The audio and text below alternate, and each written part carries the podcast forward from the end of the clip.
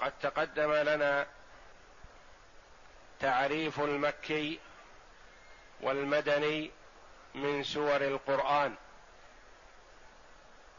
فما كان قبل هجرة الرسول صلى الله عليه وسلم يقال له مكي وإن نزل خارج مكة.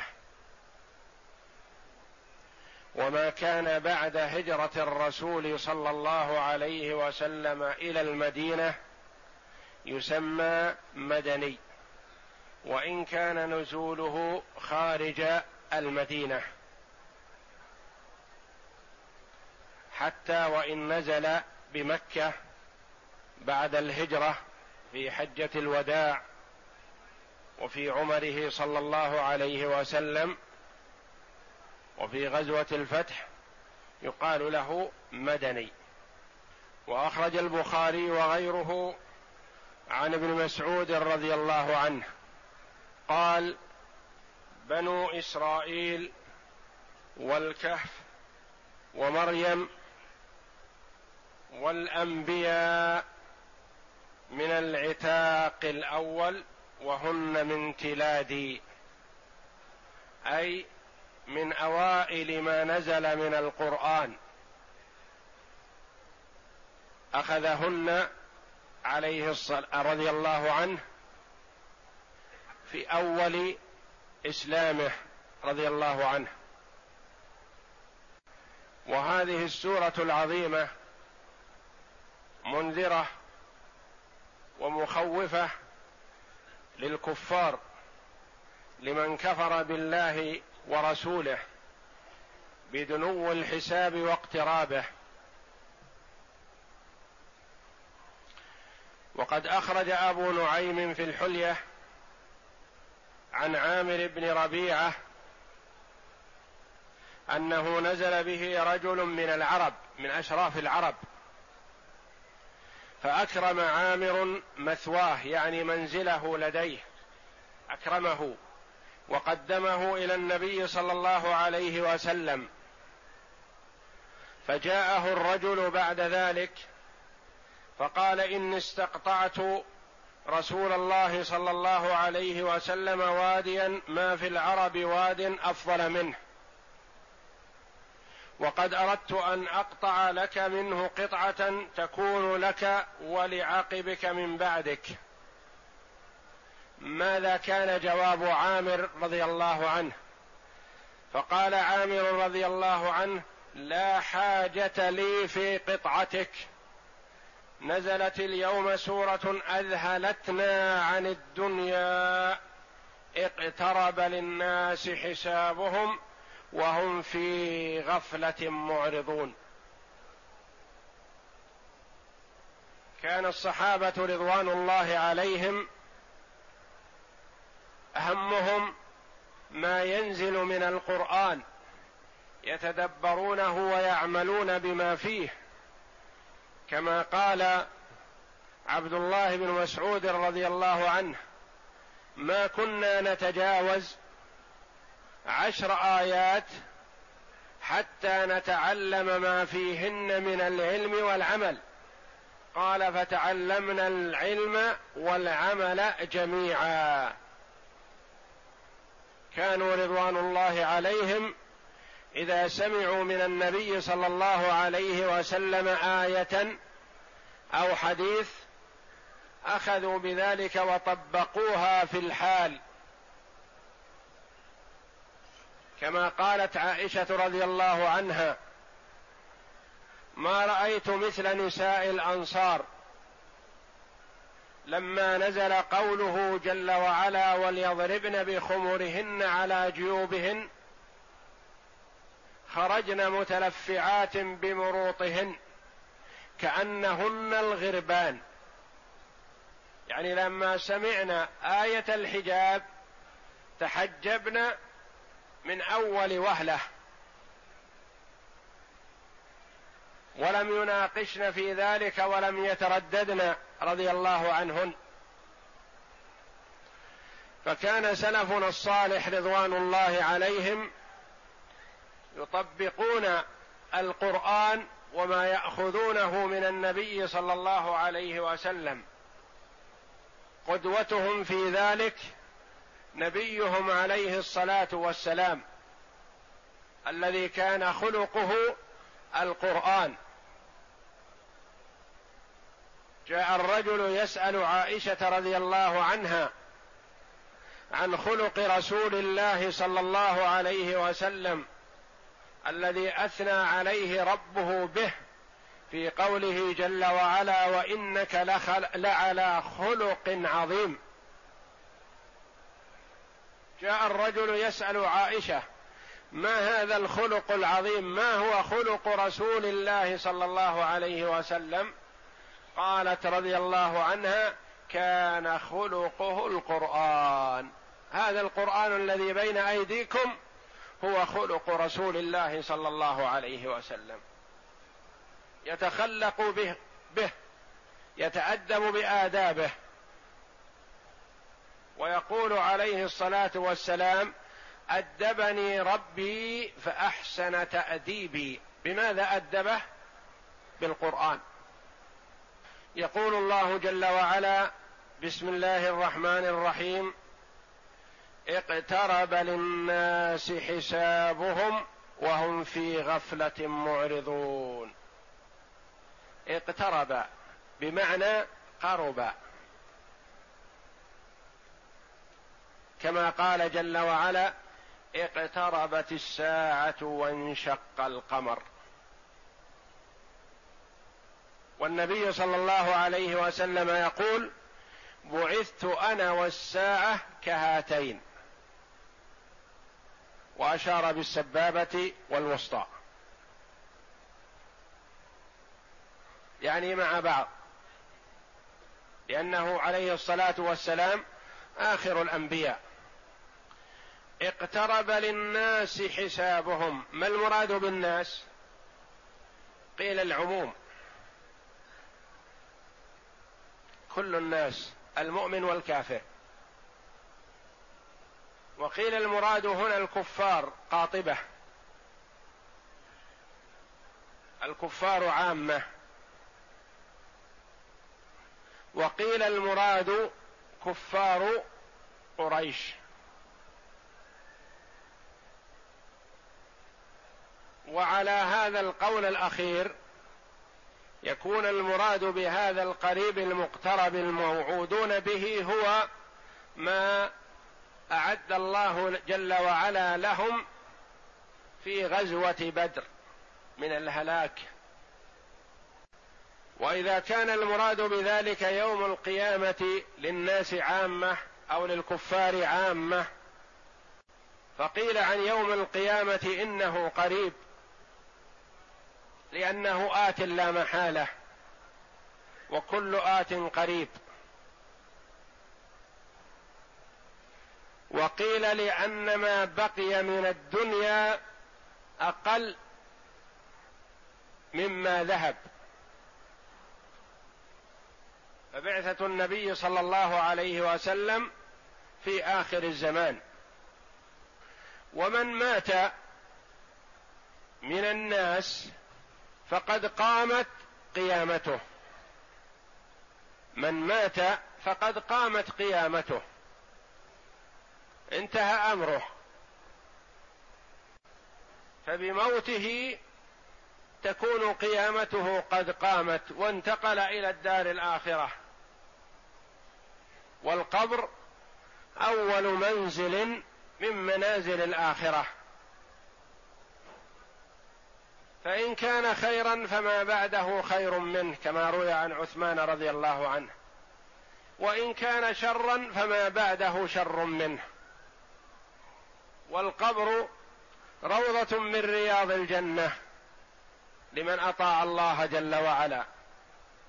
أو حفرة لمن أو حفرة من حفر النار لمن كفر بالله جل وعلا. وكما قال الله جل وعلا يا أيها الذين آمنوا اتقوا الله ولتنظر نفس ما قدمت لغد. والمراد بغد في اللغة العربية غد اليوم الذي يلي يومك الذي أنت فيه. والمراد به هنا يوم القيامة. وعبر عنه بغد القريب لأنه آت لا محالة وما بين الإنسان وبينه إلا أن يقال مات فلان.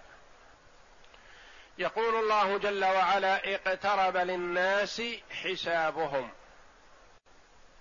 قرب الحساب والسؤال. ولم يقل جل وعلا هنا اقترب يوم القيامة. وإنما قال اقترب الحساب اقترب للناس حسابهم. تذكير للناس. وبيان لهم أن هذا اليوم هو يوم الحساب. يحاسب الإنسان عما قدم ويسأل ويناقش. وهم في غفلة معرضون. الجملة هنا حال والحال أنهم في غفلة معرضون. اقترب الحساب وهم غافلون عما يراد بهم. وهم أي الناس في غفلة أي غافلون ناسون ساهون معرضون عن دعوة محمد صلى الله عليه وسلم وما يأمرهم به. فهم انشغلوا في دنياهم وأعرضوا عن آخرتهم. والعاقل من أقبل على آخرته يعمرها والدنيا ماضية. ما قسم له فيها من شيء لا بد أن يأتيه لا محالة. ما يأتيهم من ذكر من ربهم محدث إلا استمعوه وهم يلعبون. ما يأتيهم من ذكر من ربهم. المراد بالذكر هنا القرآن. الذي ينزل على محمد صلى الله عليه وسلم. وفي قوله جل وعلا محدث القرآن كلام الله منزل غير مخلوق منه بدأ وإليه يعود. وهنا محدث يعني متجدد نزوله. الآن نزل على محمد صلى الله عليه وسلم. وظلت طوائف من الناس بقولها إن القرآن مخلوق. وامتحن كثير من علماء السلف رحمة الله عليهم. وممن وقع في المحنة وشدد عليه وضرب وحبس إمام أهل السنة الإمام أحمد بن حنبل رحمه الله. ومن العلماء من قتل في هذه المحنة.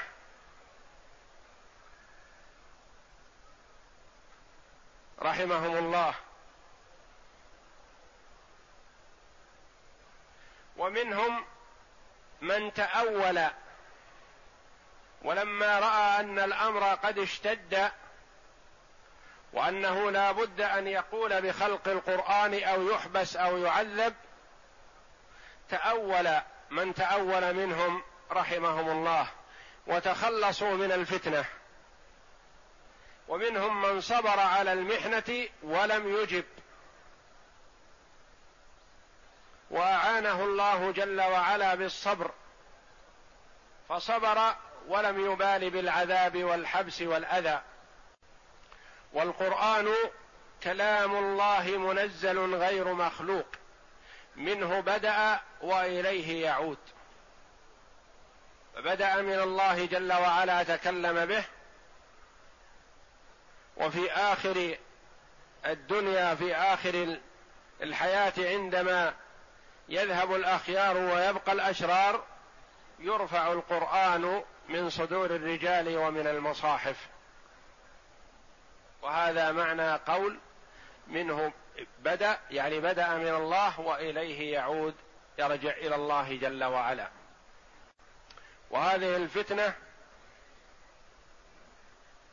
حصلت أيام المأمون والمعتصم والواثق. في الدولة العباسية. حيث سيطر على الولاة بعض علماء الضلال وغروهم وأخذ الولاة في ذلك الوقت بقول هؤلاء الضلال وأجبروا أهل السنة على القول بهذا الاعتقاد.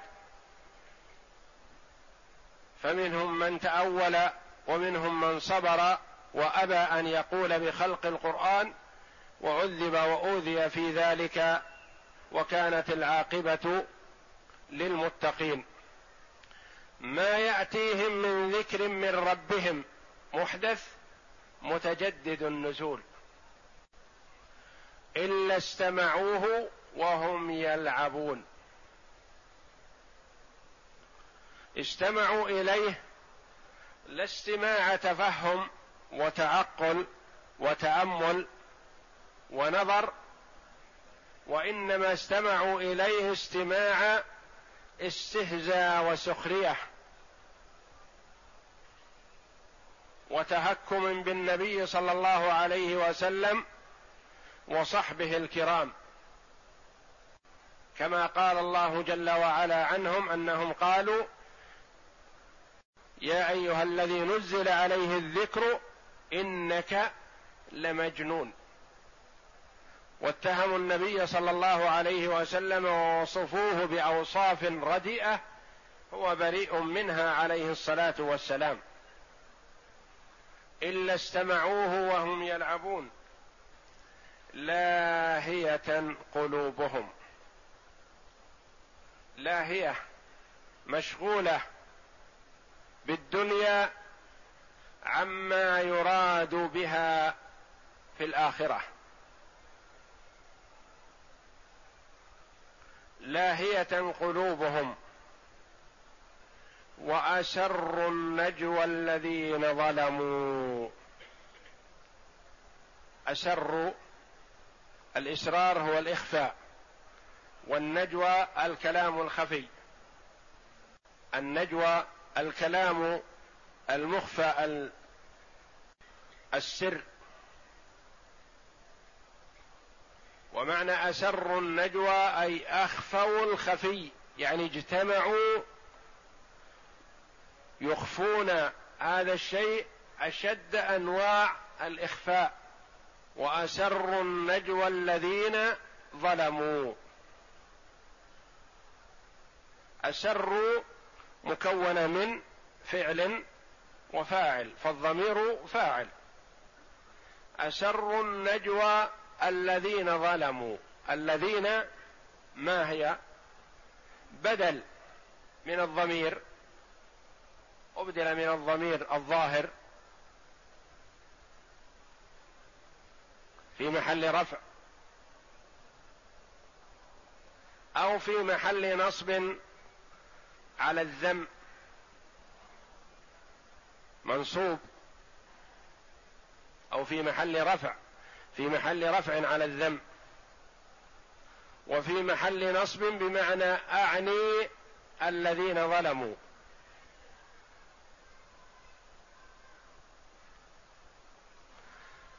أو بتقدير فعل تقديره يقول الذين ظلموا. وقال بعضهم يصح أن يكون فاعل على جواز الإتيان بالفاعل ضميرا وظاهرا. قالوا على لغة أكلوني البراغيث. يعني الضمير في أكلوا فاعل والبراغيث فاعل ظاهر. إتي بالظاهر بعد المضمر. قال بعضهم ومنه قول الله جل وعلا ثم عموا وصموا كثير منهم وأسروا النجوى الذين ظلموا. ماذا أسروا؟ هل هذا إلا بشر مثلكم؟ أفتأتون السحر وأنتم تبصرون. أسروا هذا القول. قالوا هل محمد إلا بشر مثلكم؟ فكيف تتبعونه؟ كيف تطيعونه فيما يقول؟ أتاكم بكلام من نوع السحر. فتتهافتون عليه وأنتم تعرفون أن ذلك سحر. هم يقولون هذا القول من باب التعمية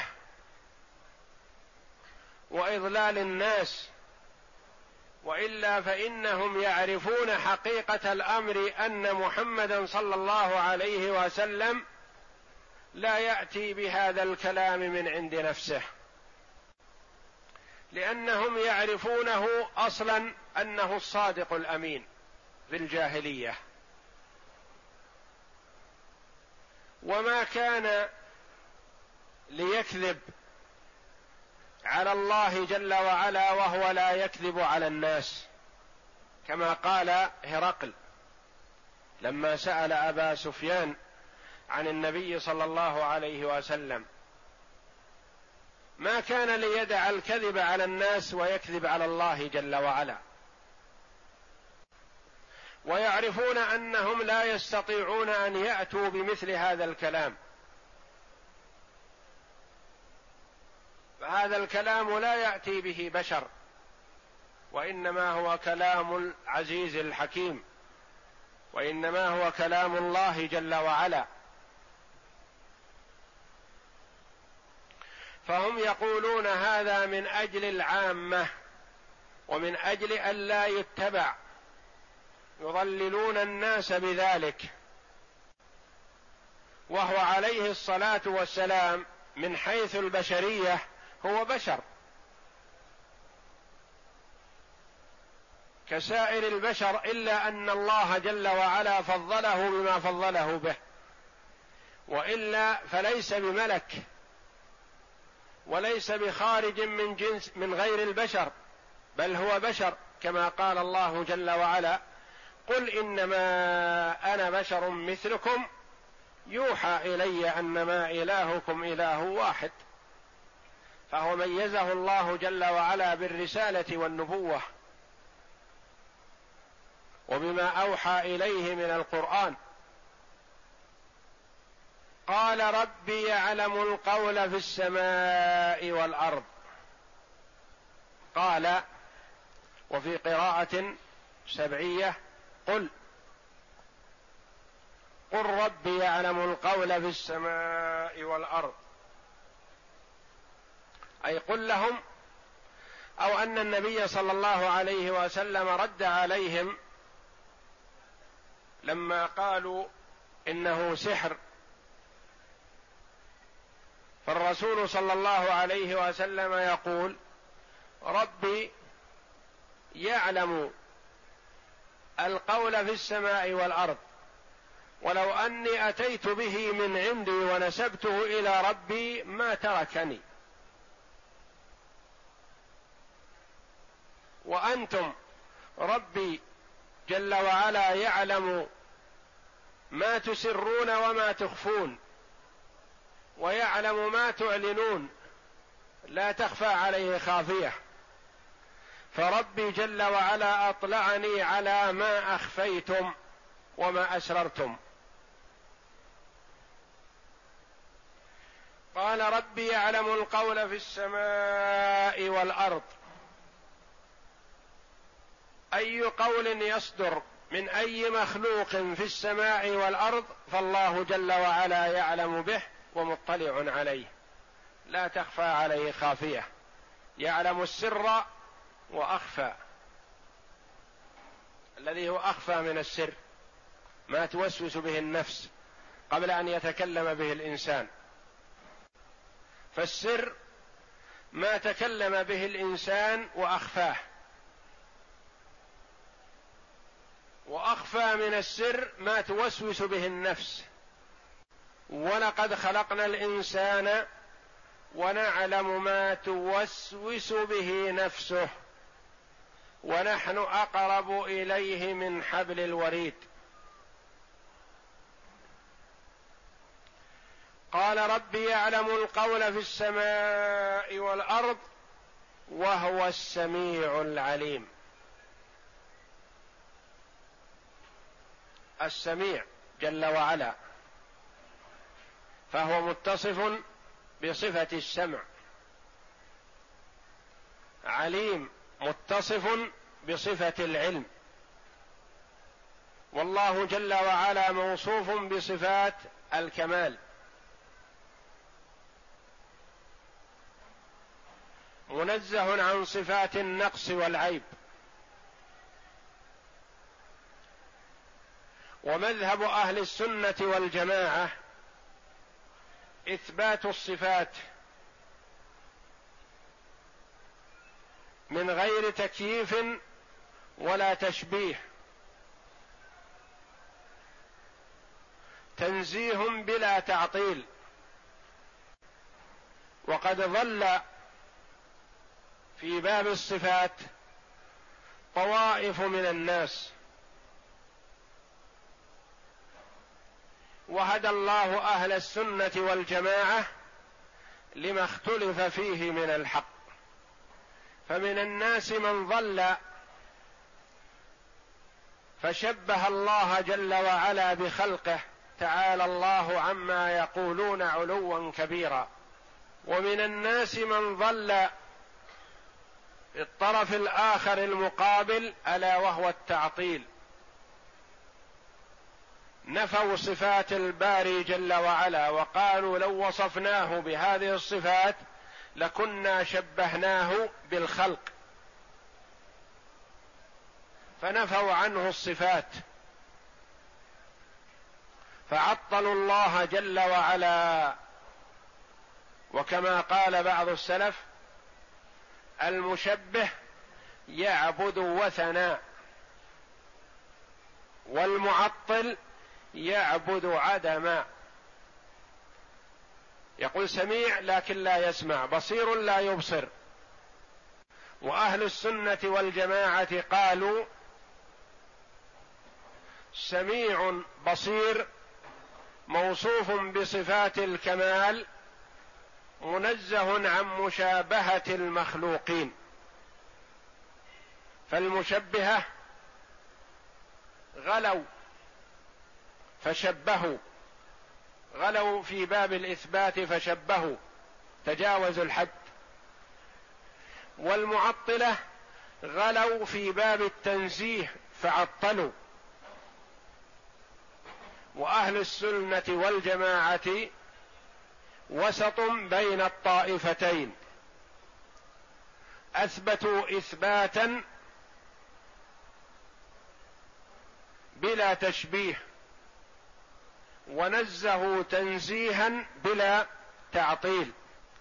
وصفات الله جل وعلا توقيفية. فلا يجوز أن يوصف إلا بما وصفه بما وصف به نفسه أو وصفه به رسوله صلى الله عليه وسلم. لا اجتهاد في باب الصفات. وأما النفي فينفى عن الله جل وعلا جميع صفات النقص والعيب. النفي اجمالا والإثبات تفصيلي.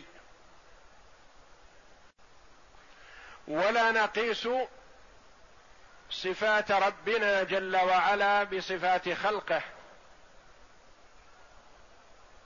فالله جل وعلا منزه عن صفات النقص والعيب التي لا تليق بجلاله وعظمته. على حد قوله جل وعلا ليس كمثله شيء وهو السميع البصير. ليس كمثله شيء تنزيه له جل وعلا. وهو السميع البصير إثبات لصفة السمع والبصر وجميع الصفات الواردة في القرآن والسنة. بلا تكييف فلا يكيفون صفات الله جل وعلا بصفات خلقه. ولما سئل الإمام مالك رحمه الله إمام دار الهجرة بالمدينة سأله سائل لما كان يتحدث رحمه الله عن الاستواء استواء الله جل وعلا على عرشه. قال السائل كيف استوى؟ كيف؟ سأل عن الكيفية. فعرق الإمام مالك رحمه الله عرقا شديدا تضجرا من هذا السؤال. الذي لا يقوله إلا مبتدع. فقال رضي الله عنه ورحمه الاستواء معلوم. يعني في اللغة العربية والمعنى. الاستواء معلوم والكيف مجهول. لا ندرك كيفية صفات الباري جل وعلا. والكيف مجهول. والإيمان به أي الاستواء واجب. والسؤال عنه أي عن الكيفية بدعة. وما أراك إلا رجل سوء وأمر به أن يخرج من مجلسه رحمه الله. فأهل السنة والجماعة يثبتون صفات الباري جل وعلا إثباتا بلا تشبيه وينزهون الله جل وعلا عن صفات المخلوقين تنزيها بلا تعطيل. قال ربي يعلم القول في السماء والأرض وهو السميع العليم. قل ربي يعلم القول في السماء والأرض وهو السميع العليم. قراءتان سبعيتان. بل قالوا أضغاث أحلام بل افتراه بل هو شاعر. تذبذب من الكفار. وعدم فهم. وتخرص وهكذا صاحب الباطل لا ثبات له. لأنه ليس على مبدأ صحيح. فكل صاحب باطل لا ثبات له لأنه يمشي على غير هدى وعلى غير بصيرة.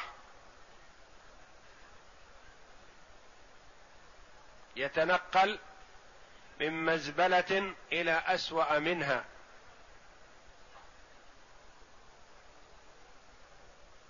قالوا عن النبي صلى الله عليه وسلم عن هذا القرآن الذي يأتي به إنه أضغاث أحلام. أحاديث منام لا تفسير لها ولا تأويل وليست رؤيا. الرؤيا لها معنى صحيح. بل قالوا أضغاث أحلام. وأضغاث الأحلام هي الرؤيا الكاذبة التي لا صحة لها. ثم أضربوا عن هذا عدلوا لأن هذا كلام جيد كلام القرآن. واضح جلي. ما يصلح أن يوصف بأنه أضغاث أحلام؟ لو قالوه للناس ما أطاعوهم في ذلك. الناس يعرفون الكلام الحسن والقبيح. فليس هذا القرآن بأضغاث أحلام. بل افتراه. قالوا هذا مفترى. هذا اختلقه محمد ونسبه إلى ربه. أتى به من عنده ونسبه إلى الله. الناس لا يقبلون منهم ذلك. العرب الفصحاء الذين يعرفون معنى الكلام لا يقولون إن هذا مفترى لأن مثل هذا الكلام الذي أتى به محمد صلى الله عليه وسلم لا يستطيع بشر أن يأتي به. ولولا أن الله جل وعلا يسره وسهله لنا ما استطاع الناس قراءته. وإنما يسره ربنا لنا جل وعلا. في قوله جل وعلا ولقد يسرنا القرآن للذكر فهل من مدكر. فهو ميسر من الله جل وعلا. فالناس يعرفون أن هذا ليس أن هذا ليس بمفترى بل افتراه. عدلوا عن هذا القول. قالوا بل هو شاعر. هذا من كلام الشعراء. ومحمد شاعر يأتي بكلام منسق منظم. كما أتى الشعراء الأوائل.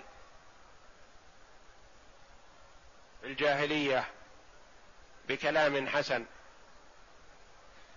بل هو شاعر. وفصحاؤهم والعرب قاطبة يعرفون أن هذا القرآن ليس بكلام شعر. عدلوا عن هذه كلها كأنهم ما استقروا على شيء أتوا بما يرون أنه معجز للرسول صلى الله عليه وسلم.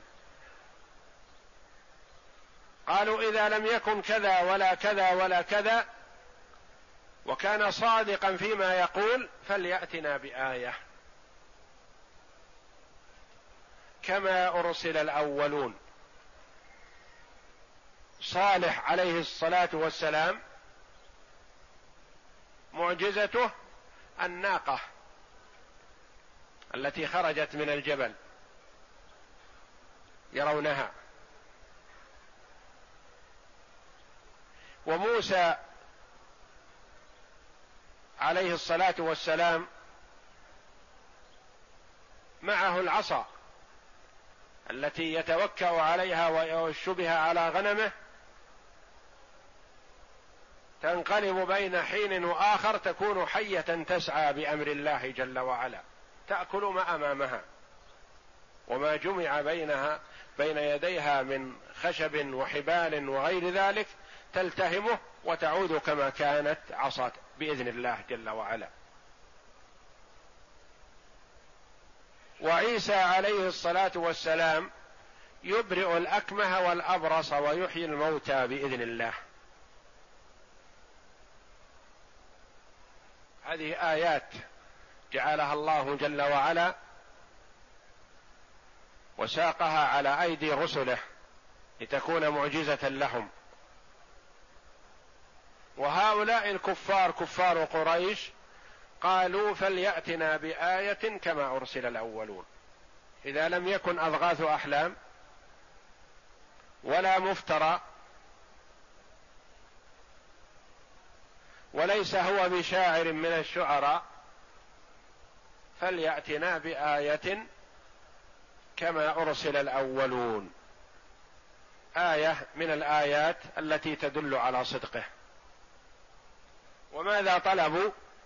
قالوا هذا جبل الصفا حوله لنا ذهب. ونتبعك. ونطيعك. إن كنت تحب منا أن, نسل أن نؤمن بك فاطلب من ربك أن يحول لنا جبل الصفا ذهبا. فأتى النبي صلى الله عليه وسلم أتاه جبريل عليه السلام وقال له إن شئت أن يجعل الله لك الصفا ذهبا جعله ولكن إذا لم يؤمنوا استأصلهم العذاب وإن شئت أن تستأني بهم. فقال عليه الصلاة والسلام الرؤوف الرحيم بأمته فهو رحمة للعالمين للعالمين قاطبة المؤمن والكافر. قال أستأني بهم. وكما جاءه الملك مرة أخرى قال له إن شئت أن أطبق عليهم الأخشبين جبلي مكة. قال أستأني بهم لعل الله أن يخرج من أصلابهم. من يعبد الله لا يشرك به شيئا. الرؤوف الرحيم عليه الصلاة والسلام لم يدع على الكفار بالهلاك والاستئصال. لعل الله أن يخرج من أصلابهم من يعبد الله وحده لا شريك له.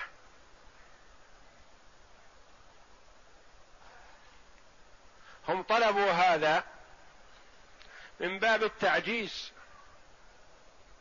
يظنون أنه عليه الصلاة والسلام يعجز عما طلبوا. والله جل وعلا قادر على كل شيء. ولكن لحكمة بليغة لما أراده الله جل وعلا من بقاء هذه الأمة. لم يستعجل عليهم بالعذاب.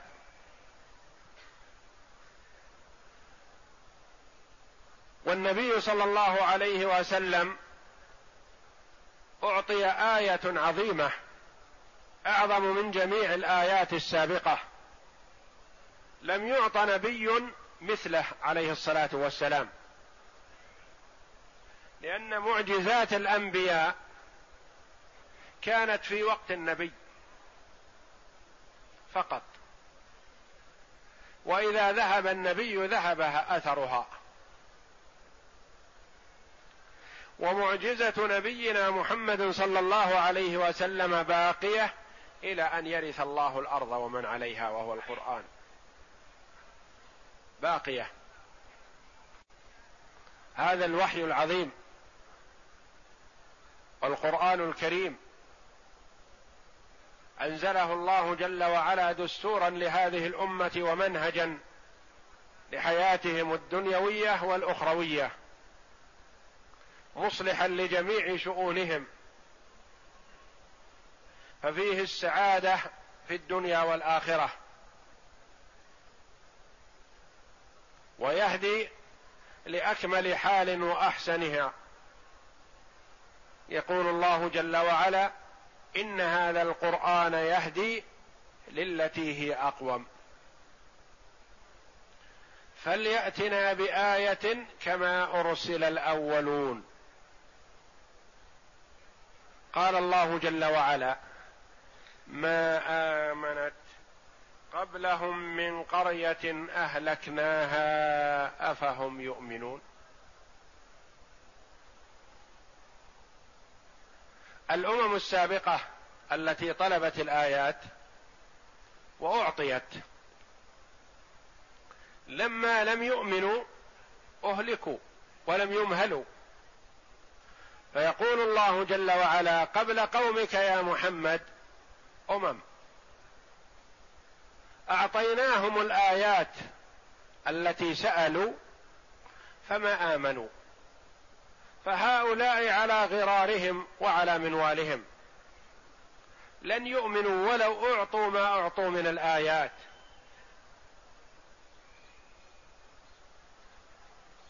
والله جل وعلا يعلم أحوال عباده ويعلم المؤمن والكافر منهم قبل أن يخلقهم. فمن يعلم الله جل وعلا أنه كافر لن يؤمن أبدا. وأما من يلتمس الحق والهداية فقد أعطي النبي صلى الله عليه وسلم آية عظمى وهي القرآن. وهو النبي الأمي. لا يقرأ ولا يكتب.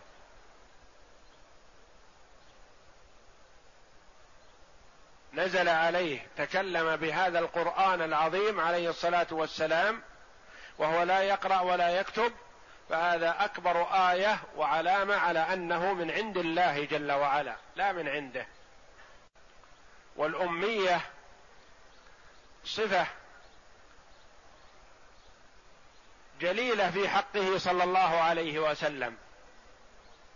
لأن كونه أمي دليل كبير على معجزته ورسالته. بخلاف غيره من الناس فهي صفة نقص في حقه. فقالوا هذا أمي يعني لا يقرأ ولا يكتب لا يعرف. لكن النبي صلى الله عليه وسلم صفته الأمية صفة كمال له لما أتى به من القرآن العظيم. ما آمنت قبلهم من قرية أهلكناها الأمم التي أهلك الله جل وعلا. لما أعطاهم الآيات ولم يؤمنوا بها أسرع الله عليهم بالهلاك. وهؤلاء مثلهم. ولكن الله جل وعلا لم يعطهم الآيات التي سألوا. لما أراده الله جل وعلا من بقاء هذه الأمة. وعدم الإسراع في هلاكها أفهم يؤمنون؟ الاستفهام هنا للإنكار يعني لا يؤمنون أبدا. هؤلاء الكفار الذين حكم الله عليهم بالكفر لا يؤمنون أبدا. وفي هذه الآيات العظيمة إقامة للحجة للكفار وتنبيه لهم ودعوة لهم إلى الإيمان بالله ورسوله صلى الله عليه وسلم. ولكن من حكم الله جل وعلا عليه بالشقاوة فإنه لا يؤمن ولا يسمع ولا يطيع. لا يسمع سماع تعقل وتفهم ينتفع بسمعه. وعلى المؤمن أن يسأل الله جل وعلا الثبات على الحق والاستقامة عليه. إلى أن يلقى ربه على ذلك. والله أعلم وصلى الله وسلم وبارك على عبده ورسوله نبينا محمد وعلى آله وصحبه أجمعين.